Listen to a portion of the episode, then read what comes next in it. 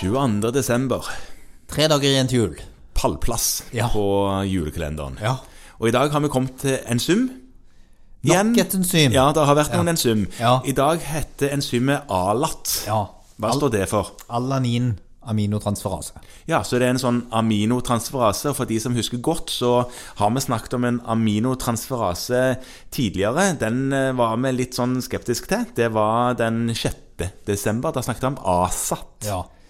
Men nå er det ALAT. Ja. ja Få høre. Hva er, dette fortjenende å være helt her oppe på pallplass? ja. Denne tenker vi vel at fortjener en høy plassering og pallen. Hvorfor ikke?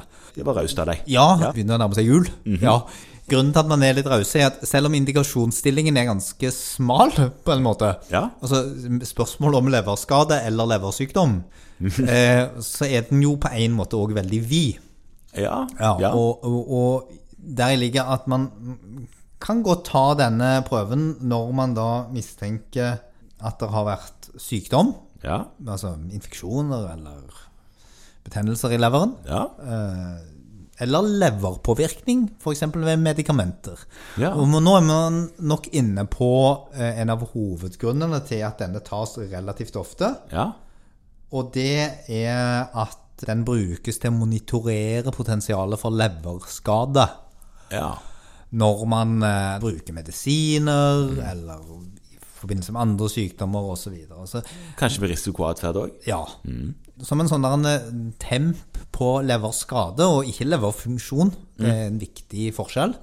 Dette, denne fins nesten bare i leverceller. Det er jo Ja. ikke sant, den fins jo mange andre steder òg, men volumet er i leverceller. Så Ja. hvis du har en høy ALAT, så er det leveren som er problemet. Ja.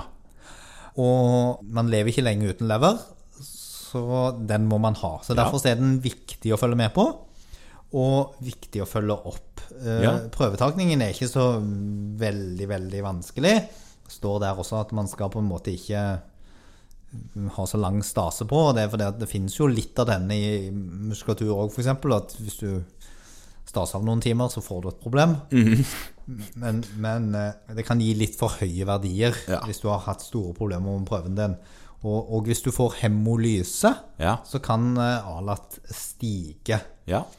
Her, her kan vi minne om noe som teknisk, det er at hvis det er mer enn 30% forskjell, så kan man regne med at det har skjedd en eller annen på to prøver. Ja. Så kan man regne med at det har skjedd et eller annet med leveren. Så det kan være greit å, å følge med på. Men 30 er, er jo en del, da. Det skjer en del, altså. Men den, denne prøven er vel òg sånn eh, Referanseområdet ligger på Hva da på eh, Det er på tiernivå, altså sånn 50, 60, 70? Eller noe sånt? Husker ikke helt. Ja, altså under 70 Ja, nettopp. Men, men poenget her er, er jo at noen ganger med skikkelig leverpåvirkning så kan jo verdien bli firesifra.